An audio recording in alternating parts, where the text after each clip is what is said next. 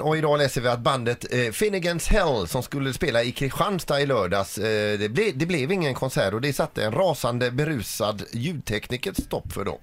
Eh, och det visar, jag läser som det står i artikeln här, jag har aldrig sett maken till haveri säger då bandmedlemmen Mikael Ek.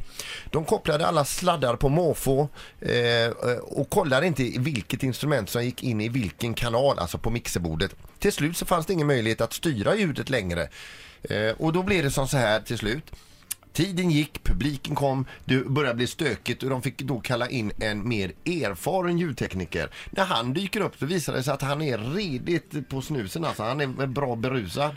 Så att han, eh, han försöker göra så gott han kan men han är i för dåligt skick under tiden ändå som han gör detta då har den tidigare unga ljudteknikern som har liksom eh, kopplat galet sådär, han har suttit själv och börjat läska på. Så när han kallas in igen, eh, då är han i jättedåligt skick och eh, kliver upp på scen och försöker nita sångaren i bandet.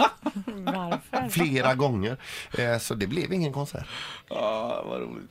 Vi, Vilken ja. pissig kväll. Ja, alltså vi tyckte det kan vara lite krångligt med det här The Ping Pong Show, men det här var ingenting. Killar säger jag bara. Ja, ah, vad roligt. Det var bra. Eh, men även en inställd spelning en spelning som Ulf Lundell sa. Ett poddtips från Podplay.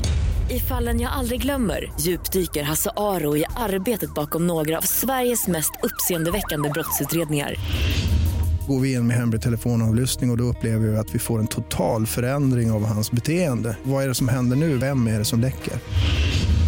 Och så säger han att jag är kriminell, jag har varit kriminell i hela mitt liv men att mörda ett barn, där går min gräns. Nya säsongen av Fallen jag aldrig glömmer på Podplay.